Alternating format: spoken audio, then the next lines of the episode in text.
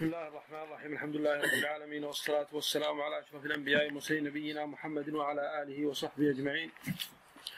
قال الإمام الحافظ مسلم الحجاج في مقدمة الصحيح حدثنا الحسن الحلواني حدثنا يحيى بن آدم حدثنا مسعر قال حدثنا جابر بن يزيد قبل أن يحدث ما أحدث وحدثني سلمة بن شبيب حدثنا الحميدي حدثنا سفيان قال كان الناس يحملون عن جابر قبل أن يظهر ما أظهر. فلما أظهر ما أظهر اتهمه الناس في حديثه. وتركه بعض الناس. فقيل له وما أظهر؟ قال الإيمان بالرجعة. برجعة علي. كما تقول الرافضة وهذا دليل على نقص العقل. الإنسان حين يأتي بشيء يناقض العقول يخالف الأصول هذا دليل على نقص عقله. ومن ذلك مهدي الرافضة. الذي دخل سرداب سامرة منذ أكثر من ألف عام. وكانوا يؤمنون برجل طفل صغير لا وجود له في الحقيقة. سيرجع سينتصر لهم ويغضب لغضبهم. هذا دليل على نقص عقولهم. وحدثنا حسن الحلواني حدثنا أبو يحيى الحماني حدثنا قبيصة وأخوه أنهما سمع الجراح بن مليح يقول سمعت جابرا يقول عندي سبعون ألف حديث عن أبي جعفر عن النبي صلى الله عليه وسلم كلها. وحدثني حجاج بن الشاعر حدثنا أحمد بن ما يفرح بمثلها. حديث جابر الجعفي ما يفرح بحديثه هو رجل متروك. لا يحتج بشيء من من مروياته ولا يستأنس به لا في متابعات ولا في شواهد. إن لم تزد الحديث ضعفا لم تنفعه. طيب وحدثنا حجاج بن الشاعر حدثنا أحمد بن يونس. قال سمعت زهيرا يقول قال جابر أو سمعت جابرا يقول إن عندي لخمسين ألف حديث ما حدثت منها بشيء. قال ثم حدث يوما بحديث فقال هذا من الخمسين الفا. وحدثني إبراهيم بن هذا جابر جعفي يحفظ خمسين ألفا. يحفظ ولا ألف حديث. يدل على الكذب. يدل على كذب يعني كذاب. نعم. الرجل الذي يقول أحفظ كذا وهو غير لم توجد فيه المؤهلات هذا على كذبه هذا لا يحفظ شيئا.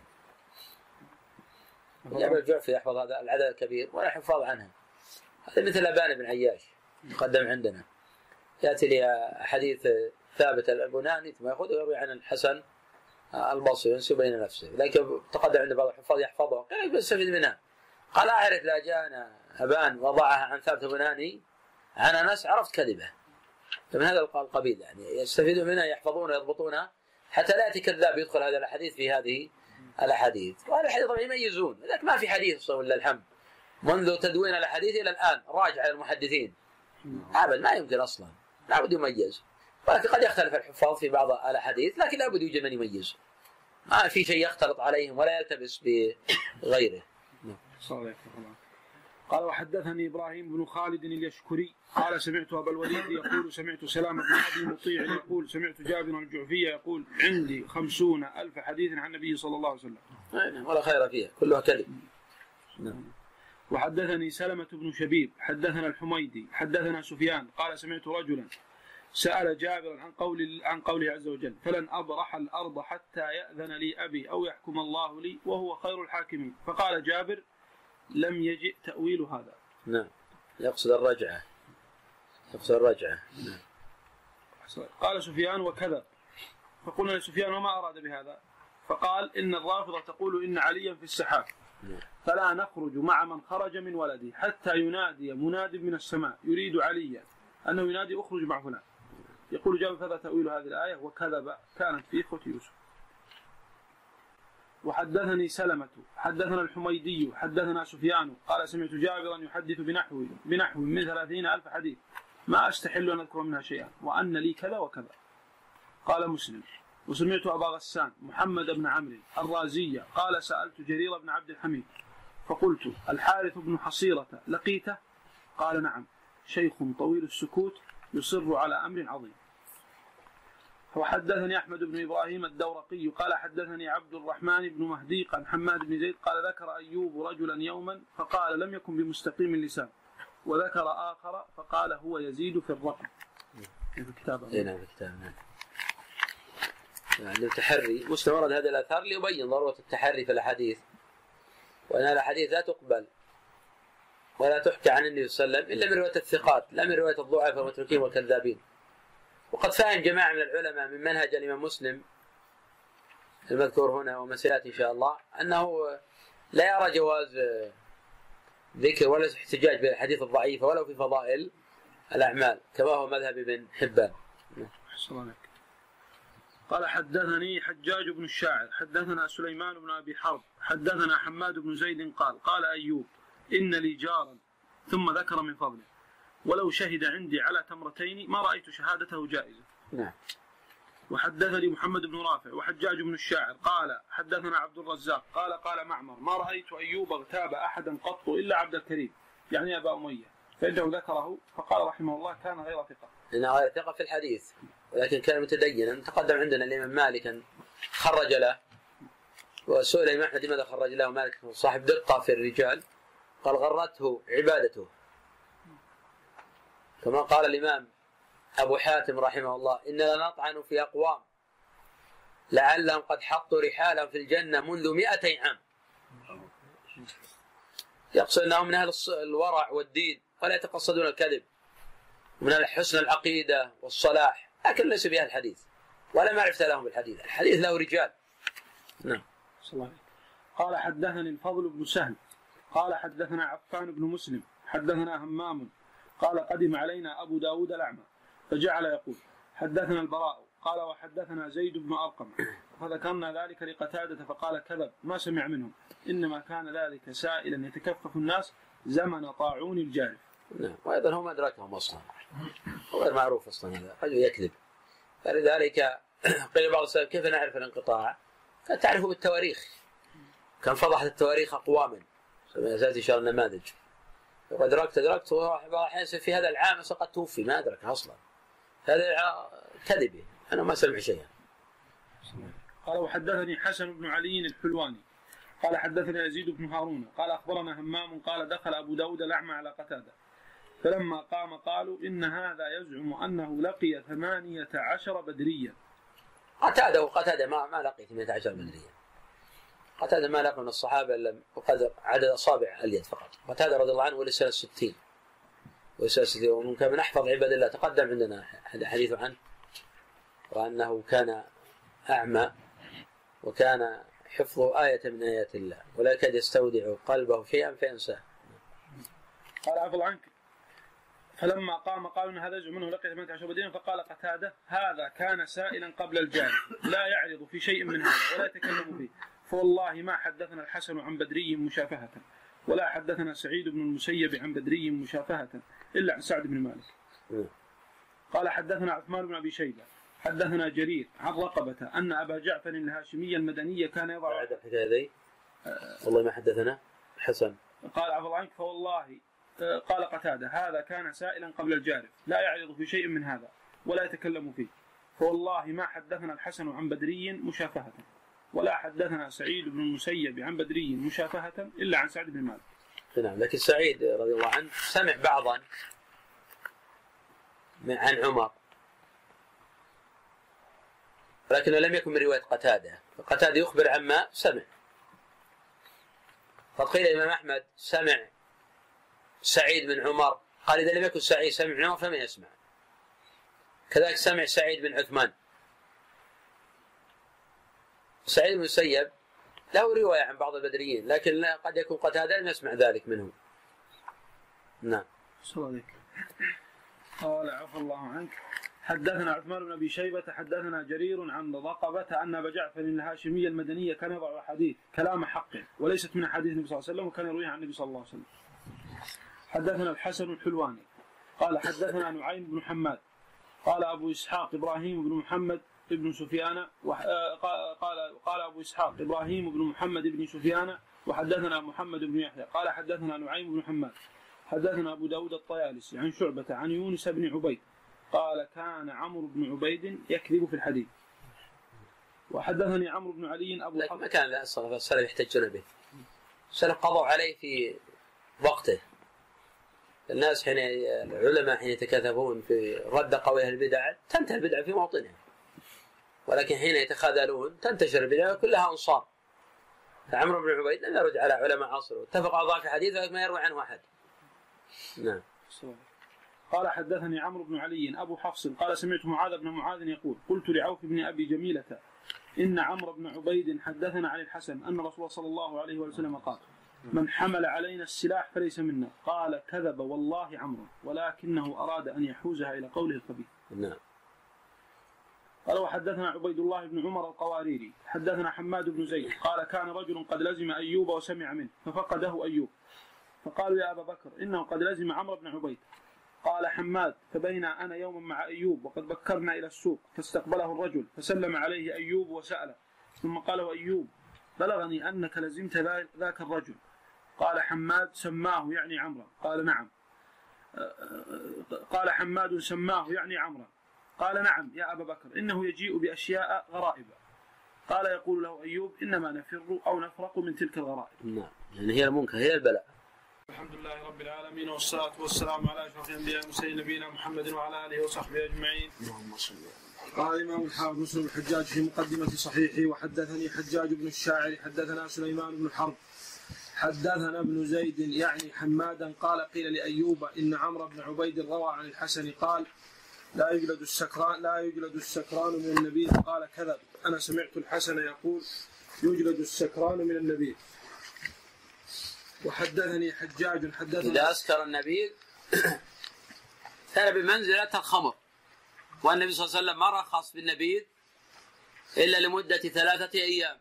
فإذا زاد فأسكر فلا يلومن أحد إلا نفسه. نعم. وإذا لم يسكر. نعم. إذا لم يشتد بعد الثلاث. النبي صلى الله عليه وسلم نهى عنه لأنه عادة يسكر. فإذا لم يسكر رخص الفقهاء. لكن لابد يتأكد يستيقن. يكون عنده يقين. ولكن عادة لما كانت بلادهم بلاد حارة عادة يسكر. أما الآن مع وجود الثلاجات ونحو ذلك ربما لو جاء الشهر ما يسكر. اللي هو شيخ نفس البيرة نعم. نبيذ لا لا. البيرة تمر مع ماء تمر مع ماء مع زبيب مع عنب. مع أشياء هذه مو هذا الخمر شيء نعم. مو هذا تفسير الخمر. تفسير نفسه يعني. لبس الخمر يضعونه في شراكل وأماكن حارة شديدة الحرارة حتى يحصل منه التخمر بسرعة. هذا لا يضع في أماكن باردة ولكن رخص فيها النبي صلى الله عليه وسلم لمدة ثلاثة النبي كان ينتبذ له. بعد الثلاث لا, لا, لا يشربه النبي صلى الله عليه بأجواء الصيف الآن وسلم نعم. بأجواء الصيف إذا كانت برا إذا كان بعد الصيف غير ثلاجات ونحو ذاك بعد ثلاث يمنع نهائي منعا باتا. نعم. نعم. هذول الثلاثة يوم. يوم حتى لو تخمر يوم يومين يمنع ما في اشكال لكن العله التخمر لكن عادة النبي أخبر عادة إنه ما يتخمر. وذلك أصحاب الخمور يبحثون عن أماكن شديدة الحرارة. قال وحدثني حجاج حدثنا سليمان بن حرب قال سمعت سلام بن أبي مطيع يقول بلغ أيوب أني آتي عمرا فأقبل علي يوما فقال رأيت رجلا لا تأمنه على دينه. كيف تأمنه على الحديث؟ نعم. وحدثني سلمة بن شبيب حدثنا الحميدي حدثنا سفيان قال سمعت أبا موسى يقول حدثنا عمرو بن عبيد قبل أن يحدث. حدث. يعني قبل أن يبتدع ويظهر بدعته لأنه كان من أهل الاعتزال وأهل البدع. نعم. صادق. حدثني عبيد الله بن معاذ العنبري حدثنا أبي قال كتبت إلى شعبة أسأله عن أبي شيبة قاضي واصل فكتب إلي لا تكتب عنه شيئا ومزق كتابي. وحدثنا الحلواني قال سمعت عفان قال حدثت حماد بن سلمة عن صالح المري بحديث عن ثابت فقال كذا. وحدثت هماما عن صالح المري بحديث فقال كذا. وحدثنا محمود بن غيلان حدثنا أبو داود قال قال لي شعبة ائت جرير بن حازم فقل له لا يحل لك أن تروي عن الحسن بن عمارة فإنه يكذب. قال أبو داود قلت لشعبة وكيف ذاك؟ قال حدثنا عن الحكم بأشياء لم أجد لها أصلا. قال قلت له بأي شيء؟ قال قلت للحكم أصل آه، أصلى النبي صلى الله عليه وسلم على قتل أحد فقال لم يصلي عليه. فقال حسن بن عمارة عن الحكم عن مقسم عن ابن عباس أن النبي صلى الله عليه وسلم صلى عليهم ودفنهم. قلت للحكم ما تقول في أولاد الزنا؟ قال يصلى عليهم. قلت من حديث من يروى؟ قال يروى عن الحسن البصري. فقال حسن بن عمارة حدثنا الحكم عن يحيى بن الجزار عن علي. وحدثنا الحسن الحلواني قال سمعت يزيد بن هارون وذكر زياد بن ميمون. قال حلفت ألا أروي عنه شيئا ولا عن خالد بن محدوج وقال وبهذا يستدل العلماء على كذب الراوي. ليس بلازم أن ينص إمام من الأئمة على أنه يكذب. بقدر ما تقرن روايته برواية أهل الصدق. فمن الأدلة على كذب الحسن بن عمارة أنه يحدث بأحاديث عن الحكم مخالفة. لأقاويل الحكم ولروايات الحكم. فالحكم يسأل عن الصلاة على أولاد الزنا وصلي عليهم وهذا واضح. ويسأل عن دليله يقول إنه قول الحسن. فهذا يأتي بحديث ويسنده إلى النبي صلى الله عليه وسلم وعن الحكم نفسه الحديث. لو كان هذا عن الحسن الحكم لبين كذلك الحكم يسأل عن هل صلى النبي عليه واحد يقول ما صلى عليهم. ثم يأتي هذا بحديث يسند عن الحكم عن مقسم عن ابن عباس أن النبي صلى الله عليه صلى عليهم ودفنهم. هذا على كذبه. نعم. قال وحدثنا الحسن الحلواني قال سمعت يزيد بن هارون وذكر زياد بن ابن ميمون. فقال حلفت الا أروي عنه شيئا ولا عن خالد بن محجوج. وقال لقيت زياد بن ميمون فسألته عن حديث فحدثني به عن بكر المزني ثم عدت إليه. فحدثني به عن مورق ثم عدت إليه. فحدثني به عن حسن. وكان ينسبهما إلى الكذب. قال الحلواني سمعت عبد الصمد وذكرت عنده زياد بن ميمون فنسبه إلى الكذب. حدثنا محمود بن غيلان قال قلت لأبي داود الطيالسي قد أكثرت عن عباد بن منصور فما لك لم تسمع منه حديث العطار الذي روى لنا النضر بن شميل قال لي أسكت فأنا لقيت زياد بن ميمون وعبد الرحمن بن مهدي فسألناه فقلنا له هذه الأحاديث التي ترويها عن الناس. فقال أرأيتما رجلا يذنب فيتوب؟ أليس يتوب الله عليه؟ قال قلنا نعم. قال ما سمعت من أنس من ذا قليلا ولا كثيرا. إن كان لا يعلم الناس فأنتما لا تعلمان. أني لم ألق أنسا. قال أبو داود فبلغنا بعد أنه يروي. فأتيناه أنا وعبد الرحمن فقال أتوب. ثم كان بعد يحدث فتركنا. حدثنا حسن الحلواني. قال سمعت شبابة. قال استمر الكذب هذا. استمر الكذب. العلماء يتركون حديث مثل هذا ويحكمون عليه بالوضع. سوري. قال حدثنا حسن الحلواني قال سمعت شبابة قال كان عبد القدوس يحدثنا فيقول سويد بن عقلة. عقلة ولا بن غفلة نعم عقلة ولا بن غفلة؟ لا ظاهر غفلة لماذا غفلة؟ عندكم غفلة؟ عندكم؟ لا عندي عقل إيه عقلة صحيح. الصحيح قال شبابة وسمعت عبد القدوس يقول نهى رسول صلى الله عليه وسلم أن يتخذ الروح عرضا. مع الروح. الروح. غرضا. قال نهى الرسول صلى الله عليه وسلم أن يتخذ الروح غرضا. اي نعم. يعني تضع شاة أو تضع طيرا أو تضع دجاجة ثم ترمى؟ وهذا معنى نهى الرسول يتخذ الروح أو شيء في الروح غرضا. حاشية السلطانية. تصحيح. موجود في الأصل. سويد. إيه، وكذلك غرضا حط عرضان لا غرضا غرضا لا بد منه. هذا أصلا ثابت في الصحيحين الحديث الرسول يتخذ شيء في الروح غرضا صحيح.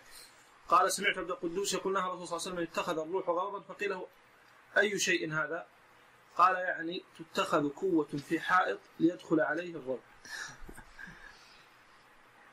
قال مسلم وسمعت عبيد الله بن عمر القواريري يقول سمعت حماد بن زيد يقول رجل بعدما جلس مهدي بن هلال بأيام ما هذه العين المالحة التي نبعت قبلكم؟ قال نعم يا أبا إسماعيل. ضبط انه يقول غفلة. يقول. يقول وإنما هو غفلة بالغ- بالغين المعجمة والتاء المفتوحتين بس ما نتكلم على. لا يقول المتن يقول هذا كان وحصول الوهم في إسناده ومتنه. فأما الإسناد فإنه قال سويد بن عقله بالعين بالعين المهملة والقاف وهو تصحيح ظاهر وخطأ بين وإنما هو غفلة بالغين المعجمة والفاء المفتوحه المفتوحين. وأما المتن فقال الرو- الروح بفتح الراء وعرضا بالعين ثم قال لعله يقصد إنه هو قرأ هكذا. إيه هو يعني إيه. نعم أحسن. يترك المتن. لأنه يقصد انه هو أخطأ فيه. لا هو أصل عقلة.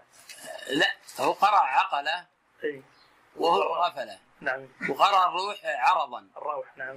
إيه، وهكذا يعني بدليل فسر الروح بالكوه إنه ما فهم. بسم الله الرحمن الرحيم. الحمد لله رب العالمين والصلاة والسلام على أشرف الأنبياء والمرسلين نبينا محمد وعلى آله وصحبه أجمعين. قال الإمام الحافظ أبو الحسين مسلم الحجاج في مقدمة صحيحه. وقد تكلم بعض منتحل الحديث من أهل عصرنا في تصحيح الأسانيد وتسقيمها بقول لو ضربنا عن حكايته وذكر فساده صفحا لكان رأيا متينا ومذهبا صحيحا. إذ الإعراض عن القول المطرح أحرى لإماتته وإخمال ذكر قائله وأجدر أن لا يكون ذلك تنبيها للجهال عليه. غير أن لما تخوفنا من شرور العواقب واغترار الجهلة بمحدثات الأمور وإسراعهم إلى اعتقاد خطأ المخطئين والأقوال الساقطة عند العلماء رأينا الكشف عن فساد قوله ورد رأينا الكشف عن فساد قوله ورد مقالته بقدر ما يليق بها. من الرد أجدى على الأنام وأحمد للعاقبة إن شاء الله. هذه المقدمة التي مسلم يرد فيها على بعض أهل العلم. حقيقة لم يتبين من هو هذا العالم. ولكن طبقة من العلماء يستشعرون أن المقصود هو البخاري. وآخرون ينفون ذلك لأن مسلما وصفه بالجهل. والبخاري من أعلى من مسلم. ولأن مسلما لأن مسلم نفى يكون في مخالف.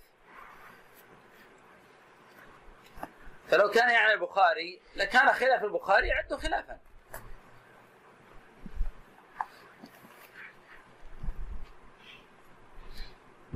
ولكن يشكل على هذا أن مسلما قال في نفس الكلام لولا خوف يغتر به. كلام العامة ما يغتر به. هذه مسائل حديثية. عادة المسائل الحديثية لا يدرسها ويقرأها إلا من له تخصص وعناية بهذه الجوانب. وعلى كل ما يضر من هو المقصود وقد نناقش إن شاء الله الإمام مسلم رحمه الله تعالى في دعواه الاجماع في هذه المسألة. نبين مسلم ادعى أكثر من إجماع في هذا الكتاب والخلاف مشهور. فهو في هذا الكتاب ادعى الإجماع في المقدمة. أن المرسل في قوله وقول العلماء كافة أنه مردود. وهذا في نظر. فالإمام الترمذي رحمه الله في كتاب العلل حكى في المرسل قولين. هذا ليس فيه إجماع. ومسلم حكى الإجماع. على أن الراوي إذا عاصر راويا لا يشترط فيه أن يكون قد سمع منه. فيقبل حديثه ولو يعلم منه سماع حكى الإجماع على هذا وهذا في نظر. الدليل على ذلك الأمثلة التي بالألاف. الأوائل يضعفون يقول لم يسمع منه وقد عاصره. فعلى أي أساس هؤلاء الأئمة ضعفوا؟ لو كانوا يعدون المعاصرة سماعا. هذا في الصحيح الإمام مسلم حديث الصيام يوم الاثنين. من طريق عبد الله بن معبد الزماني عن أبي قتادة. البخاري يقول في التاريخ الكبير لا أعلم لعبد الله سماع من أبي قتادة. فعلى أي أساس البخاري يعل هذا السماع؟ وقد عاصره. لو كان البخاري يكتفي بمطلق المعاصرة. ومن هذا سماع عبد الله بن بريدة عن قتادة وقد عاصره. البخاري يعله بالانقطاع. ومن ذلك تكلم البخاري في مرويات سليمان بن بريدة عن أبيه وقد عاصر بأكثر من أربعين عاما. البخاري يتكلم أيضا في السماع. نعم. قال رحمه الله. نعم. مسلم مسلم ما يشترط أنه ما ينفع السماع نعم. إلا يشترط ما ينفع لكن نحن نقول نرجع عليه على أساس نفع سماعهم على أساس نفع السماع مسلم يشترط انه ما ينفع السماع لكن نحن نقول على أساس نفع السماع لو كنتم تكتفون بالمعاصرة ما نفوا السماع المسلم لا لا يشترط أيضا وجود القرينة. ليس فقط النفي إنما الق- القرينة. طيب مسلم عنده قرينة عبد الله معبد الزماني عن بقت هذا. خرجت صحيحة. إذا ما ما عنده قرينة هذا الجانب. قبله البخاري عل بالانقطاع. ونماذج كثيرة سنناقش مسلم عنها. عل غيره على أساس علوها فدل لكن عنده في انقطاع. ما في سماع هذا من هذا. ليس البخاري في أكثر من حديث يقول هنا ثبت لنا سماع فلان من فلان. التصريح بالتحديد يعني ما دل على اعتبار القرائن وانما لابد أن يصرح. نعم. البخاري بالنسبة للبخاري هذا واضح من منهجه. إنه لا بد من أن يكون في رواية إنه قد صرح بالسماع ولا يقبل ذلك. والدليل على ذلك لما في صحيحه ذكر رواية الحسن عن معقل بن يسار. ذكر في كتاب النكاح إنه لما زوج أخته أورد رواية إنه صرح بالسماع ليبين إنه سمع منه وإنه لا يقبل مجرد ويقول يكتفي بالمعاصرة. طيب على أي أساس نعل الحسن عن أبي هريرة؟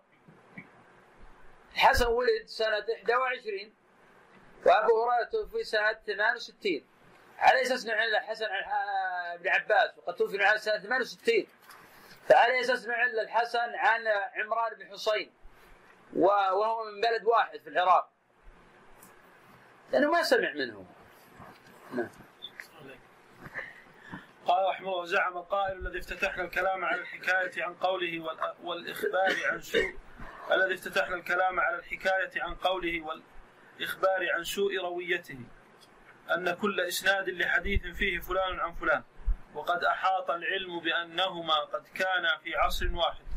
وجائز أن يكون الحديث الذي روى الراوي عمن روى عنه قد سمعه منه وشافه به غير أنه لا نعلم له منه سماعا. ولم نجد في شيء من الروايات أنهما التقيا قط أو تشافها بحديث أن الحجة لا تقوم عنده بكل خبر جاء هذا المجيء حتى يكون عنده العلم بأنهما قد اجتمعا من دهرهما مرة فصاعدا أو تشافها بالحديث بينهما أو يرد خبر فيه بيان اجتماعهما وتلاقيهما مرة من دهرهما فما فوقها؟ فإن لم يكن عنده علم ذلك ولم تأتي رواية صحيحة تخبر أن هذا الراوي عن صاحبه قد لقيه مرة وسمع منه شيئا لم يكن في نقله الخبر عمن روى عنه علم ذلك. والأمر كما وصفنا حجة.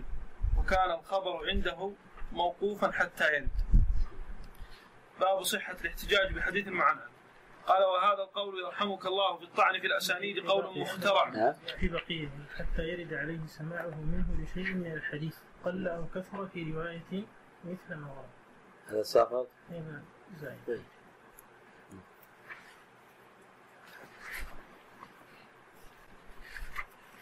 قال رحمه الله وهذا القول يرحمك الله في الطعن في الأسانيد قول مخترع مستحدث غير مسبوق صاحبه إليه ولا مساعد له من أهل العلم عليه. وذلك أن القول الشائع المتفق عليه بين أهل العلم بالأخبار والروايات قديما وحديثا أن كل رجل ثقة روى عن مثل حديثا وجائز ممكن له لقاؤه والسماع منه لكونهما جميعا كان في عصر واحد وإن لم يأت في خبر قط أنهما اجتمعا ولا تشافى بكلام فالرواية ثابتة والحجة بها لازمة. وهذا أيضا في نظر لأن علي بن مدينة رحمه الله لما تكلم على حديث من فطر صائما فله مثل أجره وهو مروي من رواية عطاء عن زيد بن خالد الجهني. قال عطاء عن زيد بن خالد مرسل مع أن عطاء أدرك من حياة زيد بن خالد الجهني عدة عقود. وقد عاصر وأمكن لقيه له. فعلى أي أساس علي مدين إذا نعل بالانقطاع. ما عندنا شيء نستطيع أن نقول إلا أنه لم يعلم أنه قد صرح بالسماع منه. وبذلك يحيى بن جابر في رواية عن المقدام بن معدي كرب قال أبو حاتم في المراسيل مرسل مع أنه قد عاصره. نعم. عليه. قال إلا أن يكون هناك دلالة بينة أن هذا الراوي لم يلق من روى عنه أو لم يسمع منه شيئا. فأما والأمر مبهم على الإمكان الذي فسرنا فالرواية على السماع أبدا حتى تكون الدلالة التي بينا فيقال لمخترع هذا القول الذي وصفنا مقالته أو للذاب عنه. قد أعطيت في جملة قولك أن خبر الواحد الثقة عن الواحد الثقة حجة يلزم به العمل ثم أدخلت فيه الشرط بعده فقلت حتى نعلم أنهما قد كان التقيا مرة فصاعدا أو سمع منه شيئا. فهل تجد هذا الشرط الذي اشترطته عن أحد يلزم قوله؟ وإلا فهلم دليلا على ما زعم الأدلة لم تكن كثيرة عن السلف في الآلاف على أساس يعلون وقد عاصره وعلي المديني يعل حديث عطاء عن زيد بن خالد وقد عاصر أكثر من ثلاثة عقود السلف يعلون حديث الحسن عن ابن عباس وقد عاصر أكثر من أربعة عقود. يعلون حديث الحسن البصري عن عمران وقد عاصر أكثر من أربعة عقود. يعلون حديث الحسن عن عائشة والحسن عن أبي هريرة وقد عاصرهما أكثر من ثلاثة عقود. يعلون حديث عبد الله بن بريدة قتادة عن عبد الله بن بريدة وهو عاصره.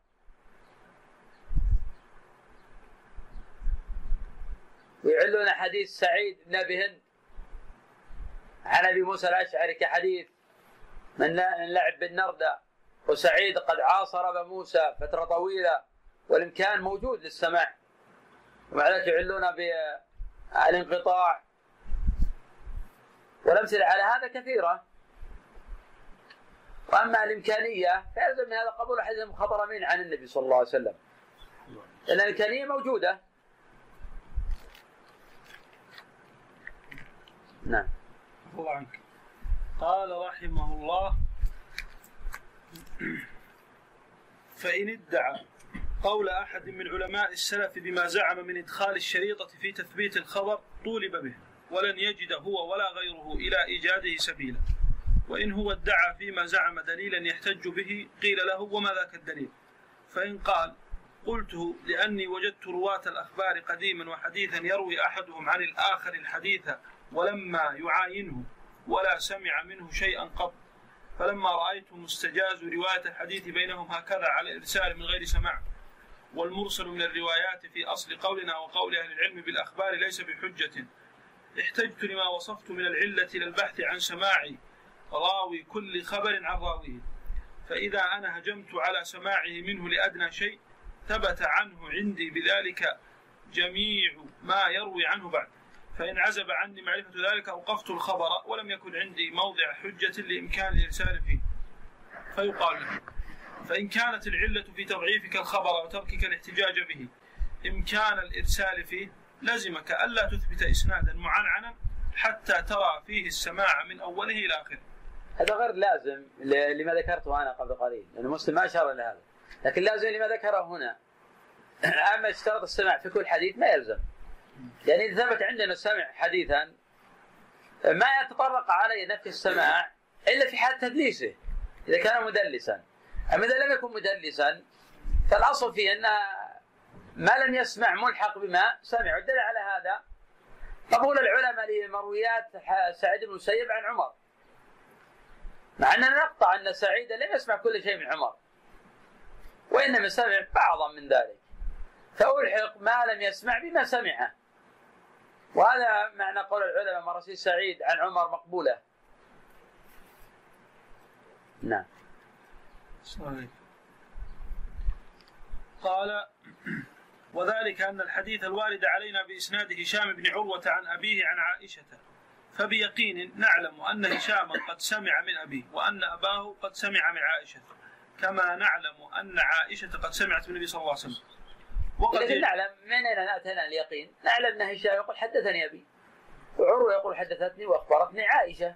قالت لي أم المؤمنين وهكذا. فهمنا أنه سمع. لو لم يرد شيء من ذاك ما أثبتنا السماع. علنا بالانقطاع. لكن جاءنا من طرق متعددة. أن هذا يقول حدثني أبي وهذا يقول سمعت أم المؤمنين. هذا بهذه الطريقة أثبتنا السماع. قال رحمه الله وقد يجوز. وعلى هذا يلزم مسلم أيضا الزامات كثيرة ما ذكرها هو. طيب كيف نثبت الصحبة؟ رجل يقول قال النبي صلى الله عليه وسلم يقول قال النبي هل نثبت له صحبة؟ يلزم على مذهب مسلم أن نقول بأنه صحابي وهذا يخالف جماعات العلماء أن الصحبة ما تثبت إلا برؤية أو بتصريح الراوي بأنه لقي أو سمع أو شاهد أو غير ذلك فعلى هذا كل واحد قال قال النبي صلى الله عليه وسلم ولم يثبت أنه صاحب ولم يثبت نفي ذلك نجعل الذي هذا الصحبة. وهذا ضعيف هذا القول. لو سئلت مسلك مسلم يلزم هذا اللازم. قال وقد يجوز إذا لم يقل هشام في رواية يرويها عن أبيه. سمعت أو أخبرني أن يكون بينه وبين أبيه في تلك الرواية إنسان آخر وأخبره بها عن أبيه. ما يلزم لأن هشام ليس بمدلس. هذا الأمر الأول فلا يلزم. الأمر الثاني هشام سمع من أبي من أبيه. فألحق ما لم يسمع بما سمع ولم تدل قرينة على عدم ذلك. والذين يقولون باشتراط السمع يقولون ولو مرة لنثبت أنه سمع. وذلك يشددون فيه في المدلس. نعم. قال قال نعم. سمع وقد يجوز إذا لم يقل هشام في رواية يروي عن أبيه سمعته واخبرني أن يكون بينه وبين أبيه في تلك الرواية إنسان آخر. أخبره بها عن أبيه. ولم يسمعها هو من أبيه. لما أحب أن يروي أن يروي أن يرويها مرسلا ولا يسندها إلى من سمعها منه. وكما يمكن ذلك في هشام عن أبيه فهو أيضا ممكن في ابي عن عائشة. كذلك كل إسناد لحديث ليس فيه ذكر سماع بعضهم من بعض. وإن كان قد عرف في الجملة أن كل واحد منهم قد سمع من صاحبه سماعا كثيرا فجائز لكل واحد منهم أن ينزل في بعض الرواية فيسمع من غيره عنه بعض أحاديثه ثم يرسله عنه أحيانا. ولا يسمي من سمع منه. وينشط أحيانا فيسمي الرجل الذي حمل عنه الحديث ويترك الإرسال. وما قلنا من هذا موجود في الحديث مستفيض من فعل ثقات المحدثين وأئمة أهل العلم. وسنذكر من رواياتهم على الجهة التي ذكرنا عددا يستدل بها على على أكثر منها إن شاء الله تعالى. أجمعين قال الإمام المصنف آه، مسلم الحجاج رحمه الله في صحيح باب السؤال عن أركان الإسلام حدثني عمرو بن محمد بن بكير الناقد حدثنا هاشم بن القاسم أبو النضر حدثنا سليمان بن المغيرة عن ثابت باب بيان الإيمان الذي يدخل به الجنة والذي يدخل به الجنة وأن من تمسك بما أمر به دخل الجنة.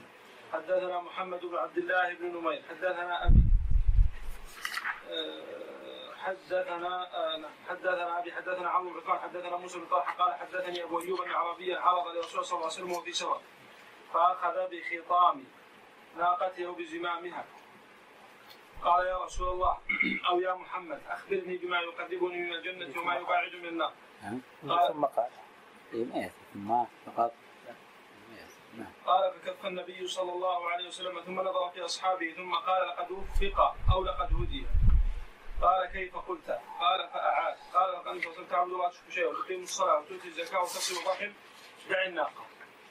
وحدثني محمد بن حاتم وعبد الرحمن بن بشر. قال حدثنا بهز حدثنا شعبة حدثنا محمد بن عثمان ابن عبد الله بن موهب وأبوه عثمان أنهما سمع موسى بن طلحة يحدث عن ايوب عن النبي صلى الله عليه وسلم بمثل هذا الحديث. حدثنا يحيى بن يحيى التميمي. أخبرنا أبو الأحوص؟ ما الفرق؟ هذا يحيى بن يحيى صاحب مالك. هذا يروي عنه مالك يروي عن مالك موطاه. نعم. طيب هذا الحين يقول حدثنا مالك. في مسلم التميمي ذاك وش هو؟ ليثي. صحيح. ذاك صدوق مجرد صدوق لا راوي ذاك. هذا إمام كبير هذا محدث ضابط. نعم. حاء وحدثنا أبو بكر بن أبي شيبة حدثنا أبو الأحوص عن أبي إسحاق عن موسى بن طلحة عن أيوب عن أبي أيوب قال جاء رجل النبي صلى الله عليه وسلم. فقال دلني على عمل اعمله من الجنه ويبعد من النار. قال تعبد الله لا تشرك به شيئا وتقيم الصلاة وتؤتي الزكاة وتصل ذا رحمك. فلما أدبر قال رسول صلى الله عليه وسلم إن تمسك بما أمر به دخل الجنة. إن تمسك بما أمر به دخل الجنة. وفي رواية ابن أبي شيبة إن تمسك به. حدثنا أبو بكر بن أبي شيبة وأبو كريب له أبي كريب قال حدثنا أبو معاوية عن الأعمش عن أبي سفيان. عن جابر قال اتى النبي صلى الله عليه وسلم من بن قوقع فقال يا رسول الله رايت إذا صليت نعم. مكتوبا؟ نعم. عندك؟ كان وش الحديث إسحاق شاق كلها غير النسخ بكرة تقرا بدل النسخ نعم. جيب فوق طبعا فؤاد عبد الباقي؟ حدثنا ابو بكر بن إسحاق حدثنا عفان حدثنا وهيب حدثنا يحيى بن سعيد عن أبي زرعة عن أبي هريرة أن أعرابيا جاء إلى رسول الله صلى الله عليه وسلم قال دلني على عمل إذا عملته دخلت الجنة. قال تعبد الله لا تشرك بشيء وتقيم الصلاة المكتوبة وتؤدي الزكاة المفروضه وتصوم رمضان. قال والذي نفسي بيده لا على شيئا ابدا ولا أنقص منه. فلما ولى قال النبي صلى الله عليه وسلم من سره أن ينظر إلى رجل من أهل الجنة فلينظر إلى هذا. الواسطي اخبرنا خالد بن عبد الله عن يونس عن إبراهيم التيمي عن ابي عن ابي ذر النبي صلى الله عليه وسلم قال يوم تدرون اين تذهب هذه الشمس بمثل معنى حديث ابن هريره وحدثنا ابو بكر بن ابي شيبه وابو كريب ولفظ ابي كريب قال حدثنا ابو معاويه حدثنا الاعمش عن إبراهيم التيمي عن ابيه عن ابي ذر قال دخلت المسجد الرسول صلى الله عليه وسلم جالس فلما غابت الشمس قال يا ابا ذر هل تدري أين؟ قال قلت الله ورسوله أعلم. قال فإنها تذهب وتستأذن في السجود فيؤذن لها. وكأنها قد قيل لها ارجعي من حيث جئت فتطلب من مغربها. قال ثم قرأ في قراءة عبد الله فذلك مستقر. له نعم. هذا نستفيد من الحديث. في الله عنك قبل العلم قبل السؤال. نعم. ابقاء العالم يعني المسألة على المتعلم ليختبر ما عنده من العلم.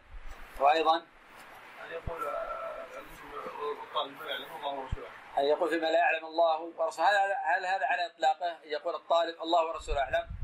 أنا لو سألته قلت أين أخوك؟ الأمور الدينيه إذا في الأمور الكونية لا يقول ذلك ولكن في الأمور العلمية الله ورسوله أعلم. ما معنى الله ورسوله أعلم؟ اعلم كان يعني الله أعلم واضح لكن الرسول رسول ميت. المقصود الكتاب السنة. يرد إلى السنة.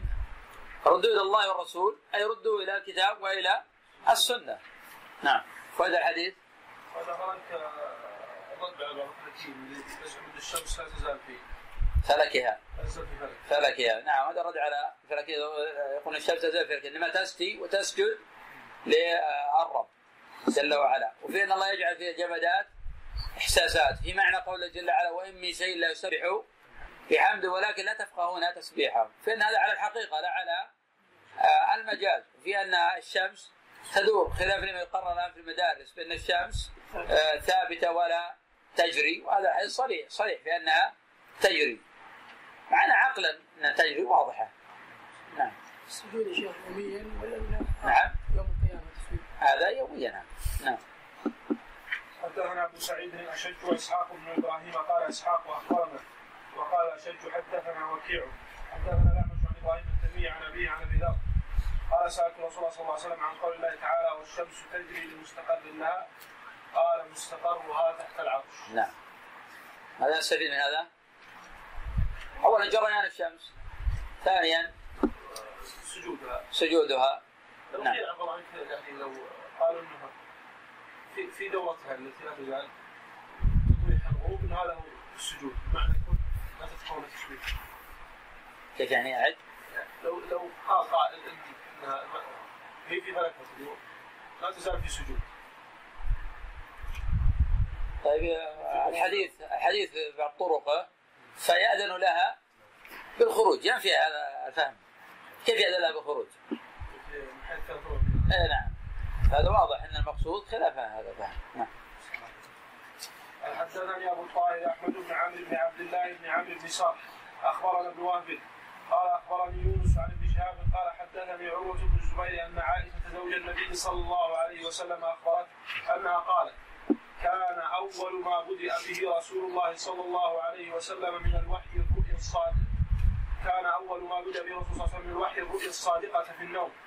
فكان لا يرى رؤيا إلا جاءت مثل فلق الصبح ثم حبب إليه الخلاء فكان يخلو بغار حراء يتحنث فيه. وهو التعبد الليالي أولات العدد قبل أن يرجع إلى أهله ويتزود لذلك ثم يرجع إلى خديجة فيتزود لمثلها حتى فجأه الحق وهو في غار حراء فجاءه الملك فقال اقرأ. قال ما أنا بقارئ؟ قال فأخذني فغطني حتى بلغ مني الجهد ثم أرسلني فقال اقرأ. قال قلت ما أنا ب- قال قلت ما أنا بقارئ. قال فأخذني فغطني الثانية حتى بلغ مني الجهد ثم أرسلني فقال اقرأ. فقلت ما أنا بقارئ. فأخذني فغطني الثالثه حتى بلغ مني الجهد ثم أرسلني فقال اقرأ باسم ربك الذي خلق. خلق الإنسان من علق. اقرأ وربك الأكرم الذي علم بالقلم. علم الإنسان ما لم يعلم. هذا نستعين بعض الحديث هذا؟ الأول ولا؟ اي هذا اخذنا اوله قبل نصل لنهايته في آه، مس- اول مرسل الصحابي. قبل مرسل الصحابي. نعم. في عبد الله آه، كانت الوحي ربما كانت الرؤيا بالوحي إذا كانت الرؤيا من الوحي. ما نسبة الرؤيا للوحي؟ جزء من جزء من النبوات على هذا المعنى تكون الرؤيا مرتبطة بالغيبيات. وعلى المعنى الآخر مرتبطة بالفقهيات من باب آخر كالتعبير والتأويل ونحو ذلك. لكن أصدقكم رؤيا أصدقكم حديثا يعني مرتبطة بهذا المعنى؟ نعم. هذا جزء من النبوة والنبي صلى الله عليه وسلم قال أصدقكم رؤيا أصدقكم حديثا. ماذا يستفيد هذا الحديث؟ ما ذكر شيخ الاحداث الكبيره تسبق تسبقها رؤى تسبقها رؤى كثيرة. نعم. شيخ الإسلام يرى رحمه الله تعالى أن الأحداث الكبيرة تسبقها رؤى كثيرة وأنه لا يكاد يوجد حدث كبير إلا تسبقه آه، رؤى آه، كثيرة. ومن فوائد الحديث أيضا؟ فضيلة الخلاء والتفرغ والتعبد فيه. نعم. اثر في التعلم نعم. فضيلة آه، الخلوة للعبادة وأن هذا له أثر كبير في التعلم لأنه يقتضي خلو القلب عن الشواغل ومتى خلق القلب عن الشواغل استوعب العلم. أما الرجل الذي قلبه مشغول بالقيل والقال والكشتات والرحلات والبر والصيد ونحو ذلك هذا ما يحصل علما يحصل شيء يسير يكون عنده ثقافة عامة ما يكون عنده علم. تأصيلي آه، وفقه آه، ومعرفة وتأصيل وضبط قواعد ضبط أصول هذا لا يمكن. عل- عل- العلم هذا ما يناله هذا الرجل ولا أمثاله. كما قال الزهري رحمه الله تعالى العلم تعطيه كلك يعطيك بعضه. فكيف هذا؟ ما أعطى العلم أصلا إلا شيء يسير من الوقت يريد يأخذ العلم. العلم أمر عظيم فلا يناله إلا الرجل آه، العظيم. العلم يحتاج إلى تفرغ ويحتاج إلى مدارسة يحتاج إلى مذاكرة. يحتاج إلى خلو قلب من الشواغل. ومع ذلك الإنسان يلجأ إلى الله جل وعلا. لأن الله قد يسلب هذا العلم وقد يمنع أيضا من هذا آه، العلم لوجود موانع من الذنوب والمعاصي ومن شغال القلب بالقيل والقال والغل على المسلمين والحقد وتوابع ذلك. قال اقرأ باسم ربك الذي خلق. خلق الإنسان من علق. اقرأ وربك الأكرم الذي علم بالقلم. علم الإنسان ما لم يعلم. فرجع بها رسول الله صلى الله عليه وسلم ترجف بوادره حتى دخل على خديجة. فقال زملوني زملوني. فزملوه حتى ذهب عنه القول ثم قال لخديجة أي خديجة؟ مالي فأخبرها الخبر. قال لقد خشيت على نفسي. قالت له خديجة كلا أبشر. فوالله لا يخزيك الله أبدا. والله إنك لتصل الرحمة وتصدق الحديث. وتحمل الكلا وتكسب المعدومة وتقري الضيف وتعين على نوائب الحق. فانطلقت به خديجة حتى اتت به ورقة بن نوفل آه، ورقة بن نوفل بن اسد بن عبد العزى وهو ابن عم خديجة أخي أبيها. وكان امرا تنصر في الجاهلية وكان يكتب كتابا عربيا ويكتب من الإنجيل بالعربية ما شاء الله ان يكتب. كان شيخا كبيرا قد عمي. فقالت له خديجة نعم. في الكتاب العربي. الكتاب العربي. شو؟ يقول الكتاب العربي. بكتاب بالنكرة عندي كان يكتب الكتاب. العربي؟ أو كان شيخا كبيرا قد عمي فقالت له خديجة أي عمي اسمع من ابن أخيك. قال ورقة بن نوفل يا ابن أخي ماذا ترى؟ فأخبره الرسول صلى الله عليه وسلم خبر ما رآه. فقال له ورقة هذا الناموس الذي أنزل على موسى صلى الله عليه وسلم. يا ليتني فيها جذعا يا ليتني أكون حيا حين يخرجك قوم قال صلى الله عليه وسلم أو مخرجيهم قال ورقة نعم لم يأت رجل قط بما جئت به إلا عودي. وإن يدركني يومك أنصرك نصرا مؤزرا. هذا نستفيد ما تبقى من الآية كما بعد الآية فيها براعة الاستهلاك نعم. فيها أن الإنسان إذا نزل به إيه. يستشير أهل العقل نعم. لأن النبي صلى الله عليه وسلم ذهب إلى خديجة. إذا في أيضا فضل لخديجة ما كانت عليه من رزانة العقل وحصافته وما عليه كانت أيضا من المواساة للنبي صلى الله عليه وسلم. وقد كانت نعم العون والنصير للنبي صلى الله عليه وسلم في هذا. ففي استشهاد الفضل في النوازل ويؤخذ من ذلك أيضا. قد استقر حتى عند الجاهلية والفتوى. إن الإحسان إلى الخلق. و... أن ماذا؟ إن الإحسان إلى الخلق. اي نعم. في أنه مستقر عند أهل الجاهليه وهو مقرر في الإسلام أن الإحسان إلى الخلق ومعونتهم من الأسباب التي تدفع عن العبد البلاء وأن هذا الرجل لا يخزى. وأن الناس لو أرادوا بسوء فإن الله يحفظه وينصره عليهم لأنه يحسن إلى العباد. والنبي صلى الله عليه وسلم يقول والله في عون العبد ما كان العبد في عون أخيه. فما دام العبد في عون العباد فإن الله في عونه. وإذا تخلى العبد عن العباد فإن الله يتخلى عنه ويكله إلى نفسه فالانسان لا يدخر ذخرا في نفع العباد بكل ما يستطيعه من جاه أو مال أو علم أو معونة أو غير آه، ذلك. ومثل ما خديجه استدلت قالت لا والله ما يخزيك الله ابدا. إنك لا تصل الرحم في فضل فضيلة صلاه الرحم. وتحمل الكلب وتصل المعدوم وتعين على نوائب آه، الحق. نعم في من الفوائد؟ في عفوا في تمني الخير. لمن لا يقدر عليه. نعم في تمني الخير من لا يقدر عليه لأن ورقة قال ادركني يومك أنصرك نصرا. ويا ليتني كنت فيها آه، جدعا وفيما عليه ورقة من آه، الفضل. قد جاءت حديث عند في المستدرك تفيد أنه من أهل آه، الجنة. نعم. في نعم وفيه أن دين الأنبياء واحد لقول ورقة لم يترجم قط بمثل إلا عودي فيما هو مستقر عند أهل الكتاب. أنه لا يأتي رجل بالحق ويواجه الانحرافات إلا سيحصل له آه، أعداء. ومثل ما جاء رجل الحسن البصري يقول له يا- إن أناسا يجالسونك ليجدوا إلى الوقيعة فيك سبيلا. قال يا هذا هون عليك. لقد أطمعت نفسي في الجنان فطمعت. وأطمعت نفسي في النجاة من النار فطمعت. وأطمعت نفسي في السلامة من الناس فلم أجد إلى ذلك سبيلا. فإن الناس لم يرضوا عن خالقهم ولا رازقهم. فكيف يرضون عن مخلوق مثلهم؟ وجاء رجل من مالك وقال ما كيف تركت الناس؟ قال تركتهم يتكلمون فيك. فاحمر وجه مالك وغضب عليه وقال أكل الناس؟ قال لا بعضهم. فسري عن مالك فقال هكذا الناس. الشأن أن تجتمع الألسن كله على الذم إما واحد مادح وواحد ذم فهذا لا يضرك. أما إذا اجتمعت الالسن على الذم فالناس شهداء الله في الأرض.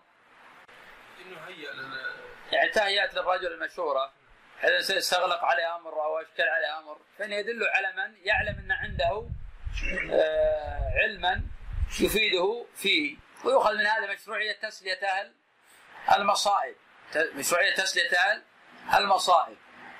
ومن ثم يندب حضور العلماء طلبة العلم والأخيار في وقت وفاة الرجل لمواساته وتعزيته ونحو ذلك نعم.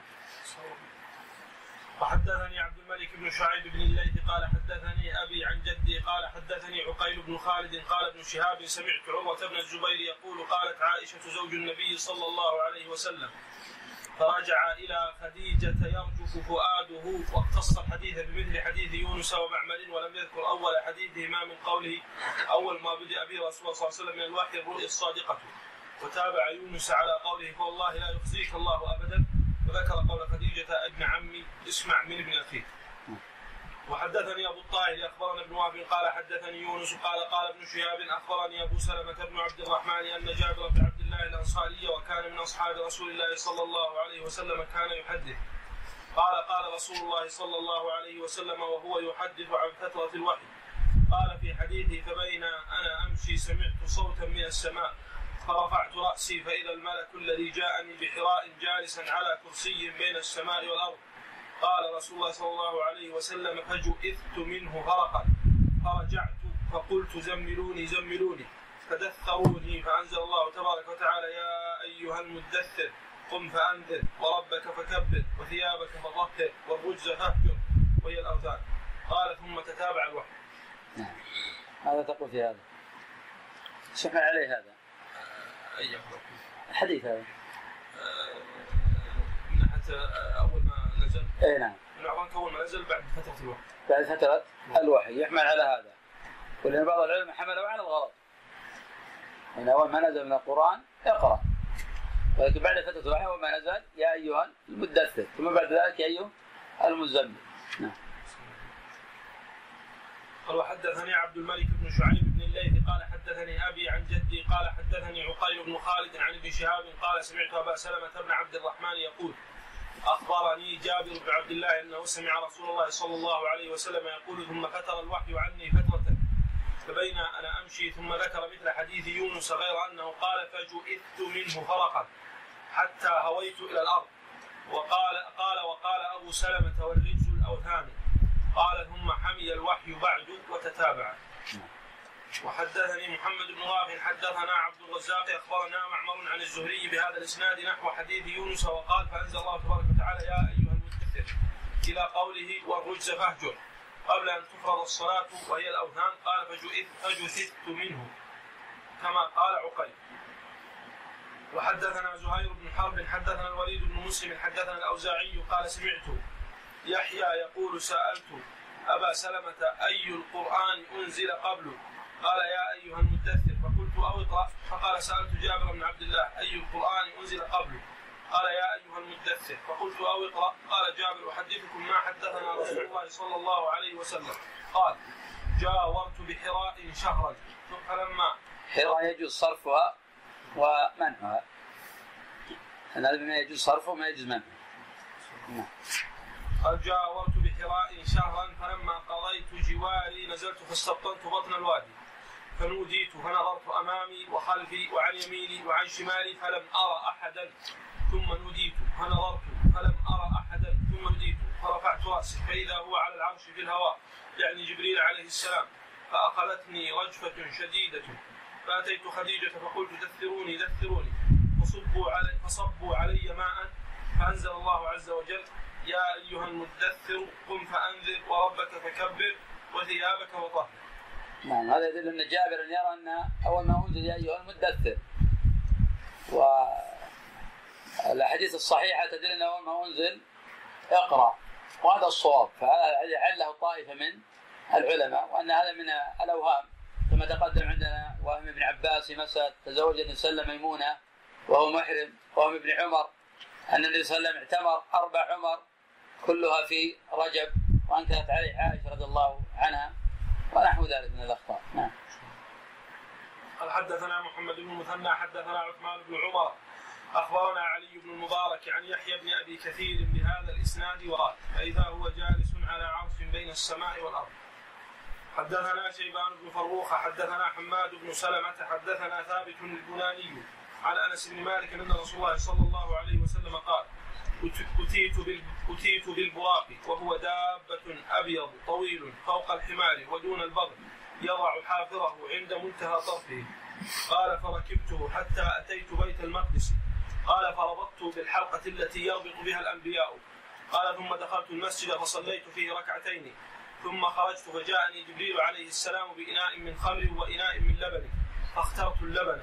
فقال جبريل صلى الله عليه وسلم اخترت الفطرة. ثم عرج بنا إلى السماء فاستفتح جبريل فقيل من أنت؟ قال جبريل قيل ومن معك؟ قال محمد قيل وقد بعث اليه؟ قال قد بعث اليه ففتح لنا فإذا أنا بآدم فرحب بي ودعا لي بخير ثم عرج بنا إلى السماء الثانية فاستفتح جبريل عليه السلام فقيل من أنت؟ قال جبريل قيل ومن معك؟ قال محمد قيل وقد بعث اليه؟ قال قد بعث إليه ففتح لنا فإذا أنا بابني الخالة عيسى بن مريم ويحيى بن زكريا صلوات الله عليهما. فرحبا ودعوا لي بخير. ثم ثم عرج بي إلى السماء الثالثة. فاستفتح جبريل فقيل من أنت؟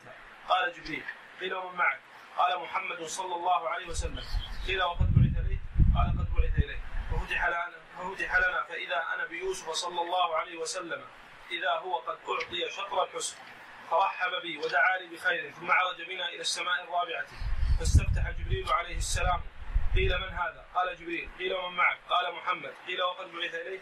قال قد بعث اليه ففتح لنا فإذا أنا بإدريس فرحب بي ودعا لي بخير قال الله عز وجل ورفعناه مكانا عليا ثم عرج بنا إلى السماء الخامسة فاستفتح جبريل قيل من هذا؟ فقال جبريل قيل ومن معك؟ قال محمد قيل وقد بعث اليه؟ قال قد بعث اليه ففتح لنا فإذا أنا بهارون صلى الله عليه وسلم فرحب ودعا لي بخير ثم عرج بنا إلى السماء السادسة. فاستفتح جبريل عليه السلام. قيل من هذا؟ قال جبريل. قيل ومن معك؟ قال محمد. قيل وقد بعث إليه؟ قال قد بعث إليه ففتح لنا فإذا أنا بموسى صلى الله عليه وسلم. فرحب ودعا لي بخير. ثم عرج بنا إلى السماء السابعة. فاستفتح جبريل. فقيل من هذا؟ قال جبريل. قيل ومن معك؟ قال محمد صلى الله عليه وسلم. قيل وقد بعث إليه؟ قال قد بعث إليه فتح لنا فإذا أنا بإبراهيم صلى الله عليه وسلم مسندا.